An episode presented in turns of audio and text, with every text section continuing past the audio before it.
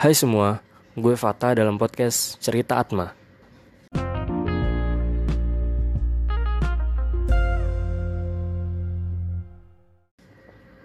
Apa kabar hari ini? Semoga semua baik-baik aja ya. Kenalin, gue Fatah yang bakal ngisi podcast ini dengan coretan tentang apa yang gue rasain, entah berbentuk puisi atau daily stories yang mungkin relate sama banyak orang. Biar kayak anak senja juga sih. Yang ngeliatin sore, matahari tenggelam, nyoretin notebook tentang apa yang terjadi hari ini, ditemani rokok dan kopi saset yang ngaduknya pakai bungkus sasetnya yang digulung. Ngaku lo pasti pernah. Uh, kayaknya perkenalan kali ini cukup segitu aja ya, gak usah panjang-panjang. Kayaknya di next episode gue bakal ngomongin soal cinta dan bucin-bucinan deh.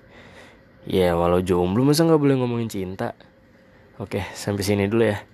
Sampai ketemu di episode selanjutnya. Gue Fatah, I'm out.